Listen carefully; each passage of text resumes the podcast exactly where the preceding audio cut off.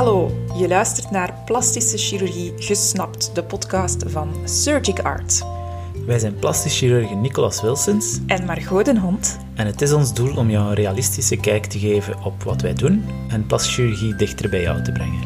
Ik zelf ben Nicolas, ik werk in het Sint-Trudo Sint-Trudo ziekenhuis en in eh, de Essence praktijk, beide gevestigd in Sint-Truiden. En ik ben Margot en ik werk in het ziekenhuis Oost-Limburg. En dat betekent dan in Genk, Lanaken en Mazeik.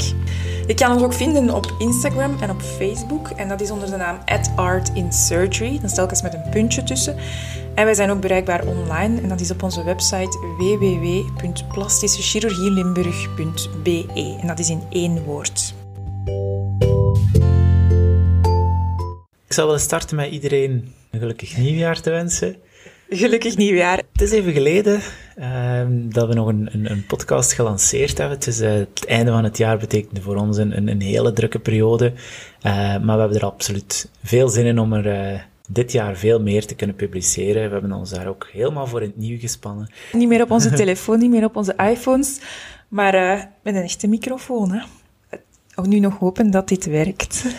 Ja, dus ja, gaan we eraan beginnen zeker, hè? Ja, ja, inderdaad. En bij de start van dit nieuwe jaar hebben wij gekozen voor een onderwerp waar we klassiek rond deze periode met de kerstvakantie, met de schoolvakantie, wel vaak mee te, te maken krijgen, vaak mee bezig zijn.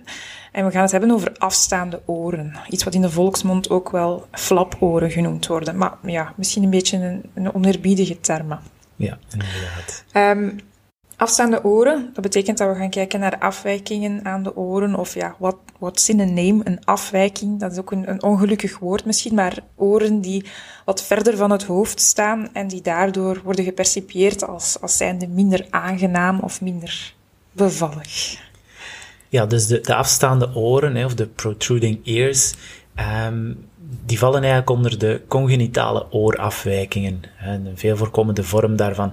Maar ja, het is oorafwijking, dat is, dat is direct zo'n beladen term. Want wat is natuurlijk een afwijking en hoe hard stoort het? En er is sowieso een heel grote variatie aan, aan hoe een oor eruit ziet. Dus ja, voor, voor ons is, is dat woord afwijking toch, toch een, brug te ver. hè, Maar neemt niet weg dat, we, dat er wel veel vragen komen van ouders ehm, of, of van mensen op, op latere leeftijd eh, voor zichzelf dan, om iets te doen aan, aan de positie van de oren. Eh, zoals ik zei, is de flap, zijn de flaporen, eh, de protruding ears, de afstaande oren, is dat de meest voorkomende vorm van de oorafwijkingen. Ehm, meestal eh, worden die veroorzaakt door twee zaken. Eh, enerzijds het, het kommetje van het oor dat te diep is, dat kan een oorzaak zijn.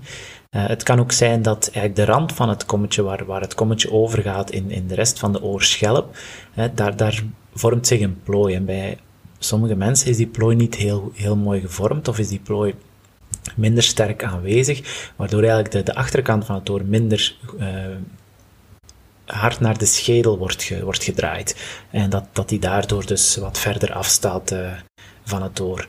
Het kan ook een combinatie van beide zijn. Hè, dus het is altijd een beetje, een beetje kijken. Ehm, iedereen is uniek. En ehm, de, de, wat we daaraan kunnen doen dan, is, verschilt dan ook vaak van persoon tot persoon.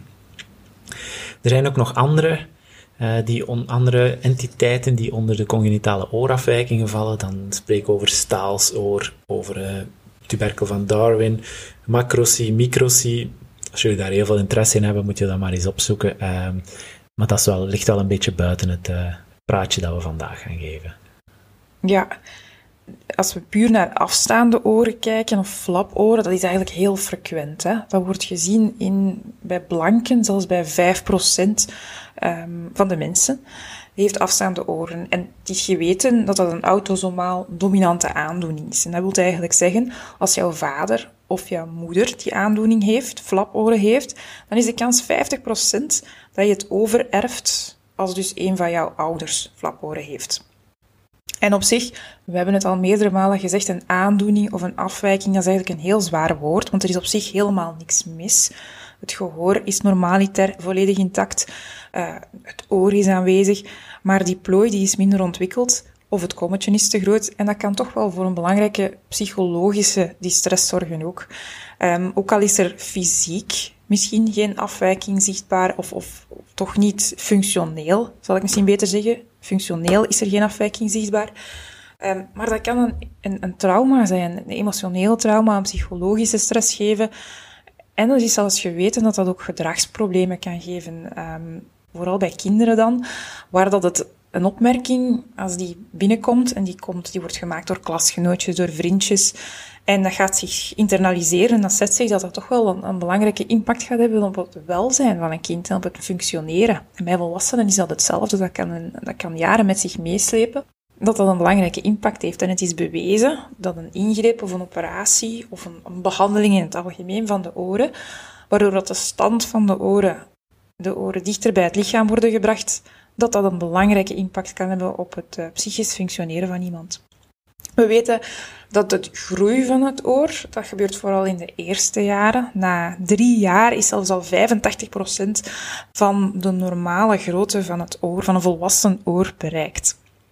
Voor de breedte van het weten we dat dat op zeven jaar bij jongens en op zes jaar bij meisjes volledig is gevormd. De lengte dat kan nog toenemen tot 13 jaar bij jongens en tot 12 jaar bij meisjes. Een tweede ding, en dat is een beetje ook een belangrijke om mee te nemen in de behandeling, dat is het feit dat het kraakbeen van het oor dat dat stijver wordt naarmate we ouder worden.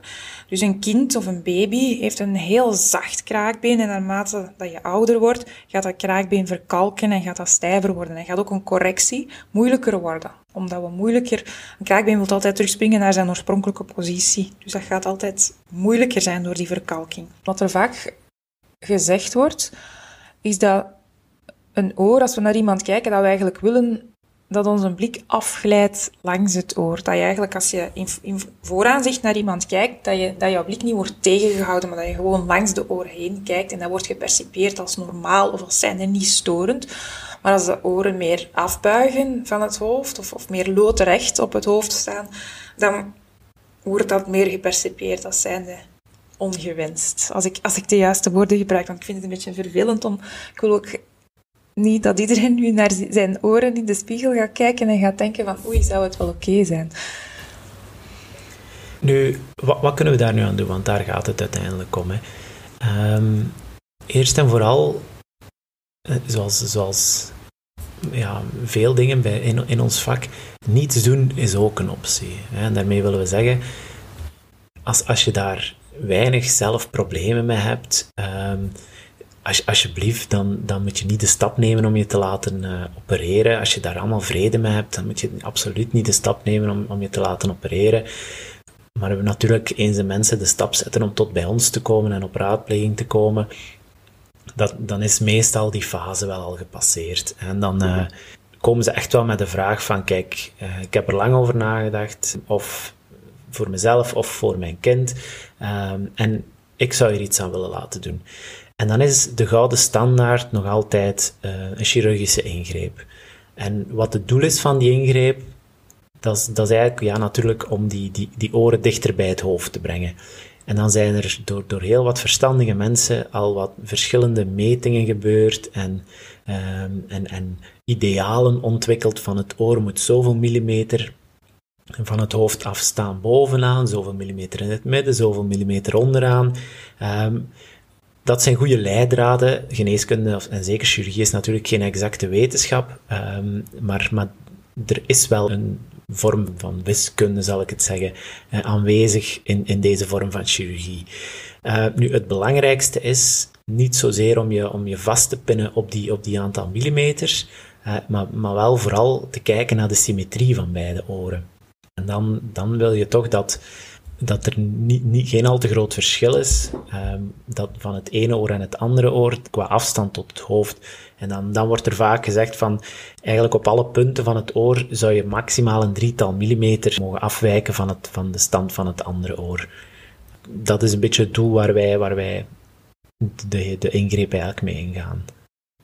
Dat is ook een hele moeilijke, hè, want je kan afstaande oren hebben, maar als die dan asymmetrisch afstaand zijn, dat is een hele moeilijke om te corrigeren, hè? omdat je altijd moet een beetje compenseren. Zeker als er eigenlijk maar één oor afstaat. Ja. En, en, dat je dan de vraag krijgt, ja, moeten we dan het andere oor ook opereren? Ja, dan nee. Um, nee dat is absoluut, uh, absoluut een moeilijke. Dat is soms moeilijk inschatten. Ja, en, en dan moeten we een beetje waarschuwen, want perfecte symmetrie bestaat niet. Sowieso niet. Dat is voor niemand zo. Um, maar we weten als we een asymmetrie moeten corrigeren, dat we er rekening mee moeten houden achteraf dat er ook meer kans is dat er een zekere asymmetrie gaat overblijven, omdat het gedrag van een geopereerd oor um, ja, nu eenmaal niet 100% te, te voorspellen is. Timing. Wanneer is nu eigenlijk het beste moment om zo'n operatie uit te voeren? Het is een beetje een afweging enerzijds tussen dat het oor al voldoende groot moet zijn. Dus wat ik daar straks ook gezegd heb, je hebt al een, een zekere een paar jaren nodig vooraleer dat we richting de grootte van een volwassen oor gaan. En anderzijds is ook belangrijk dat, zeker als we op jonge leeftijd gaan opereren, dat de jongen of het meisje daar klaar voor is. En, en daar ook dat ze iets zitten om, om mee te gaan in dat proces van die operatie. Want het is niet enkel in slaap gaan en de dag zelf van de operatie, maar ook achteraf. Qua nazorg is het heel belangrijk dat dat goed opgevolgd wordt en dat de juiste instructies nageleefd worden. Dus het is belangrijk voor ons om in gesprek te gaan met de patiënt en om in te schatten in welke mate dat zij daar matuur voor zijn en er klaar voor zijn en ook graag die operatie zouden willen, samen met de ouders, om dat af te wegen. Um, Meestal gaan we zeggen lagere schoolleeftijd dat we die operatie gaan doen. Zes, zeven jaar gaat zeker oké zijn. In sommige gevallen, als de jongen of het meisje matuur is en als je aanvoelt dat er ook een belangrijke impact is op het psychisch functioneren, kunnen we ook zeggen dat we net voor de start van de lagere school, op vijfjarige leeftijd, dat we die operatie al uitvoeren. Maar dat is wel wat de grens um, om toch een voldoende grote bereik te hebben van het oor. En dan qua leeftijd naar volwassen toe is er eigenlijk geen beperking. Het enige is dat het kraakbeen natuurlijk stijver wordt naarmate je ouder wordt. Dus dat ook de kans op terugspringen van het kraakbeen groter wordt naarmate dat je ouder wordt. Ja, ik denk het enige dat ik daar nog aan wil toevoegen is dat uh, um, op 5, 6 jaar het, het, oor is nagenoeg volledig gegroeid, maar het is nog geen 100%. En dan kan je de vraag stellen van, ja, maar die, die operatie, gaat die dan niet de verdere groei belemmeren en gaat, gaat, gaat verder groei dan niet in het gedrang komen? En die vraag hebben, verschillende plaschirurgen in het verleden zich ook al gesteld en er is ook onderzoek naar uitgevoerd en dat blijkt niet het geval te zijn. Dus dat is een geruststellende factor dat we wel degelijk die, die operatie reeds op die leeftijd kunnen uitvoeren zonder uh, nadelige gevolgen wat de verdere groei betreft. Hoe we die operatie dan doen, dus de verschillende technieken. Um, ja, daar is, is niet altijd evenveel uh, consensus over in onze, um, in onze wereld, in, onze, in, de, in de Nu, het, bijna allemaal wat ze gemeen hebben, is dat het litteken achteraan aan het oor ligt. Um, over het, het, het, kommetje en dichter naar, naar het hoofd toe. Uh, en vandaar gaan we eigenlijk het, het kraakbeen benaderen. En um, als we dat kraakbeen een nieuwe vorm willen geven, want we willen daar eigenlijk met, met hechtingen een, een diplooi waar ik daarnet over sprak een beetje beter vormen. Hè, of met hechtingen dat kommetje wat, wat dichter tegen het hoofd trekken, zodat het minder diep wordt. Um, dat kan allemaal, dat is op zich niet zo heel... Het moeilijke deel is niet, zo, is niet om die hechtingen te zetten. Het moeilijke deel is om het kraakbeen zodanig aan te passen dat het niet direct gaat terugspringen. Ja, want zoals Margot daarnet al zei, Kraakbeen wordt harder met de leeftijd. En kraakbeen heeft een soort geheugen. Kraakbeen gaat altijd terug willen naar de positie van waar het kwam. Um, en om dat tegen te gaan, of om dat zoveel mogelijk te proberen voorkomen, moet, moet je dat kraakbeen eigenlijk... Oeps. We zijn nog niet perfect. moet je dat kraakbeen dus eigenlijk verzwakken. En dat verzwakken, dat kan door, door daar allemaal kleine krasjes in te maken. Um, en uh, dat kan je dus, meestal wordt het dan gedaan aan, aan de voorkant van het oor, dus maar wel, de toegang blijft wel achteraan. Dus in principe ga je geen litteken aan de voorkant van je oor hebben dat zichtbaar wordt. Wij doen het gewoonlijk onder um, volledige narcose omdat ja, het, is toch niet evident voor, voor, voor jonge kinderen om zo lang in die positie te liggen. Um, dat wordt vervelend uh, als je dan onder, onder lokale verdoving moet doen. Het wordt soms gedaan, maar, maar Um, Voor mij eigenlijk eerder bij, bij volwassenen. Ik weet niet of, of dat jij daar een andere Ja, eigenlijk wel. Mijn voorkeur gaat ook uit naar, naar volledig in slaap gaan. Maar zeker en vast, het is een optie om het onder lokale verdoving te doen. Maar het is toch ja, een beetje puzzelen. Het is altijd puzzelen, maar kijken links, rechts. Ehm, en echt... Ja, de tijd mag geen factor zijn om te beslissen wanneer dat je het juiste resultaat hebt bereikt. En je moet, moet echt goed kunnen uh, inschatten of, of vergelijken links-rechts. Ja, soms, soms gebeurt het inderdaad dat je klaar bent aan één oor en dan begin je aan het andere en dan kijk je nadien terug naar beide oren. Voilà. En dan is het qua comfort dikwijls beter om, uh, als je volledig in slaap bent, dan weet je ook, um, zit ook qua tijd geen limiet op die lokale verdoving. Um, qua nazorg, dus na de operatie, is eigenlijk minstens zo belangrijk um, dat we dat goed doorspreken om de raadpleging. Um, je gaat wakker worden en je hebt eigenlijk een groot tulbandverband aan. Een grote windel over de twee oren met watten um, om, om, ja, om zeker te zijn dat jouw oren goed beschermd zijn en dat er geen impact kan plaatsvinden s'nachts of ook overdag op de oren, dat die goed tegen het lichaam aangeduwd worden en ondertussen dat littekentje rustig kan genezen.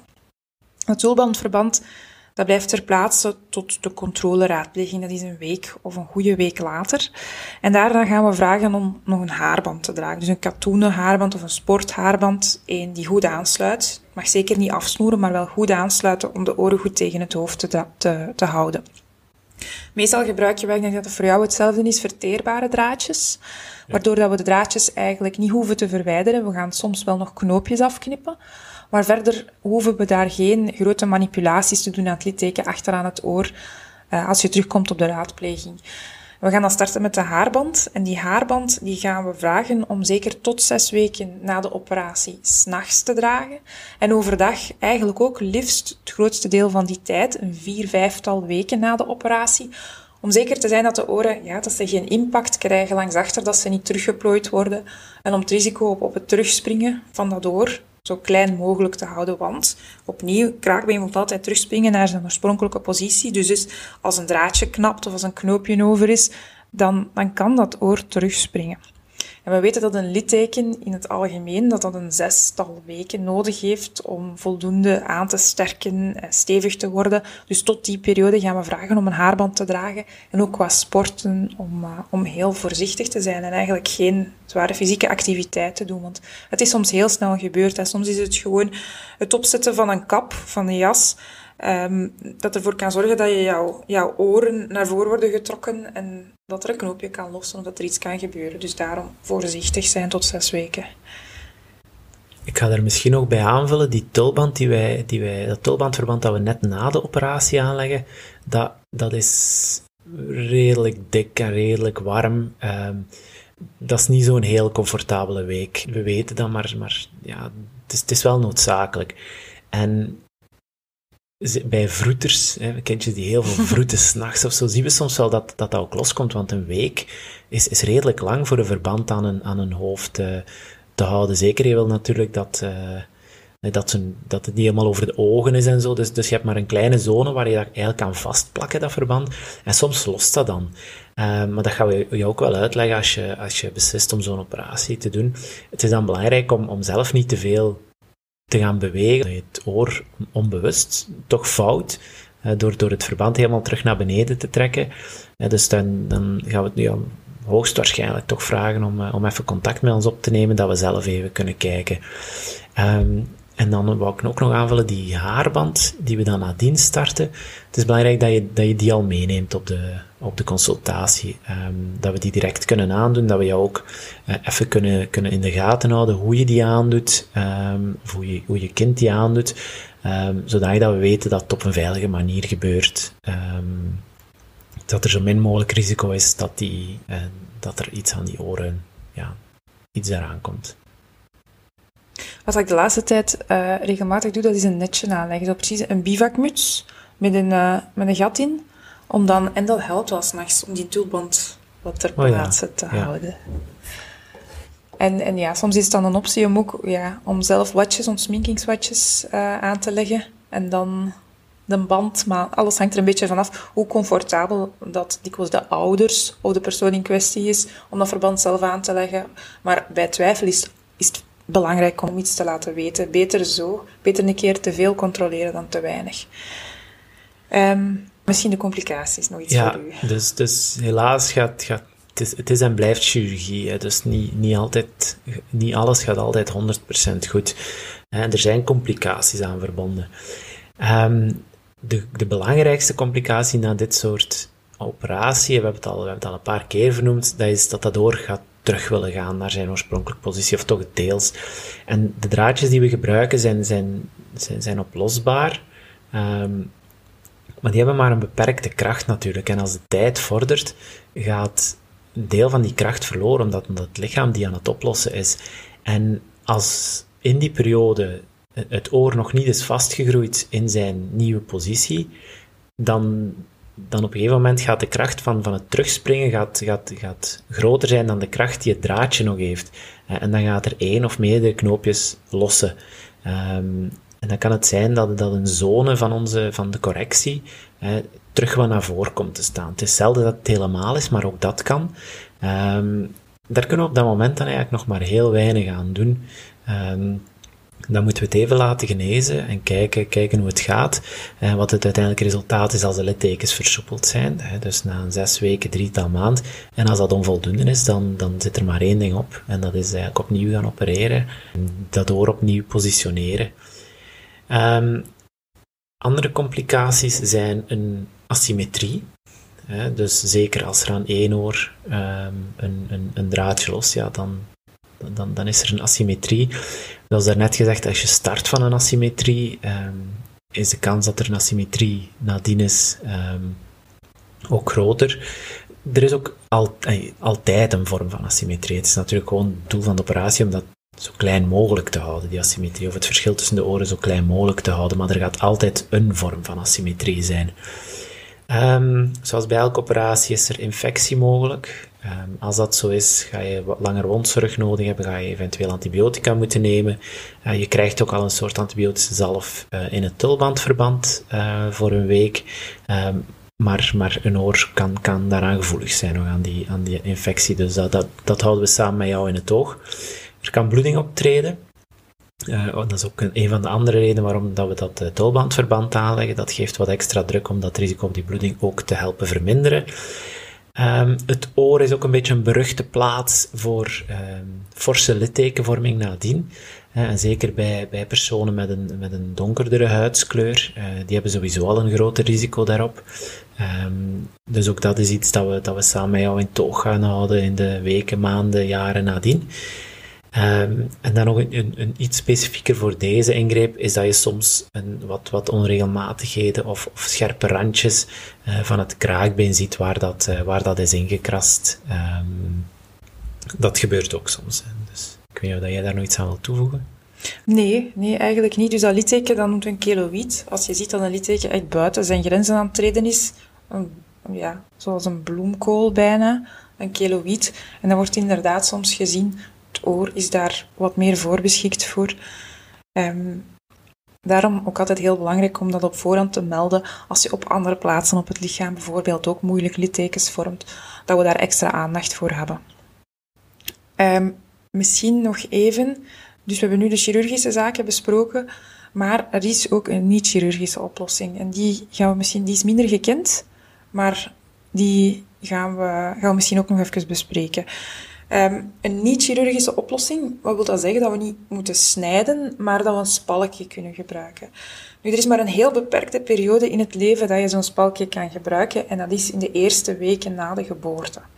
En dan kan je het oor gaan vormgeven door, door dat in, ja, in op een bepaalde manier te plooien, zonder dat je daarvoor hoeft te snijden. Hoe komt dat? Omdat in de eerste weken na de geboorte zijn er nog hormonen aanwezig van mama, die ervoor zorgen dat dat kraakbeen extra plooibaar is. Maar dan moeten we er heel vroeg bij zijn. Binnen de zes weken, en liefst zelfs binnen de paar dagen, binnen de week, twee weken na de geboorte, is die kans op succes hoog. Naarmate dat je meerdere weken na de geboorte bent, gaat die kans lager worden. Wat we dan eigenlijk doen, dat is een, uh, de vorm van het oor, de, het oor inpakken in een spalkje tegen het hoofd aan. Um, één oor of beide oren. Dat kan voor afstaande oren, maar dat kan ook voor bepaalde andere afwijkingen van de vorm van het oor. En dat spelkje dat blijft dan telkens twee weken ter plaatse. En dan vervangen we dat drie keer, dat, in totaal, dat de baby in totaal zes weken een spelkje heeft gedragen. Soms moet dat nog een aantal weken, een zestal weken verlengd worden met een pleister ook. Ehm, maar je gaat eigenlijk vrij snel al resultaat met die techniek. En de resultaten daarvan die zijn ook wel goed. Um, dat is iets wat op de raadpleging wordt gedaan. Wat dat wij, um, wat dat wij uitvoeren met, ja, met de baby gewoon bij de mama en de papa. en dat, dat is een, een, heel korte procedure waarbij dat spalkje wordt aangelegd en daarna na twee weken zien we elkaar terug, wordt er een nieuw spalkje aangelegd. Maar dus, dan moet het echt goed erkend worden. En dat is niet altijd gemakkelijk, want een oor heeft, heeft zo'n ja, speciale, specifieke vorm, dat het, dat het heel moeilijk ook is hè, om, om te onderscheiden van zoveel bochten, zoveel plooien, van wat is normaal, wat is abnormaal. Dus bij twijfel is het altijd nuttig om, om, daar een keer advies over te vragen. En uh, indien, als je er op tijd bij bent, dan kan dat een oplossing zijn. Het grote nadeel op dit ogenblik is dat dat nog geen terugbetaalde techniek is. Hè? Nee, dat is dus inderdaad vervelend. Hè. Aan, die, aan die, die dat valt, dat valt dus inderdaad nog onder, onder ja, niet onder terugbetaalde zorg. Ze zijn ermee bezig, maar dat is nog niet... Dus ze zijn daar nog niet.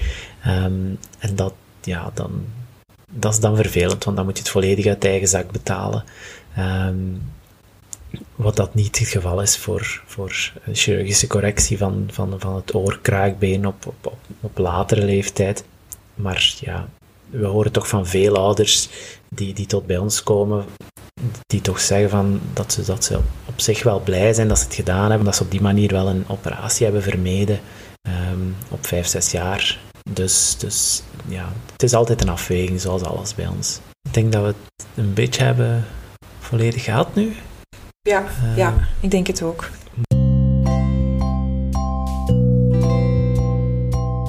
Moest er nog iets zijn, moest je vragen hebben, uiteraard stel ze. Um, dus ja, ik herhaal, dat is, je, je, kan ons bereiken via www.plastischechirurgielimburg.be. Um, je kan ook naar info.surgicard.be mailen. Um, ons, ons telefoonnummer staat ook op de website. Je kan op Instagram, op Facebook, allebei at Art in Surgery terecht.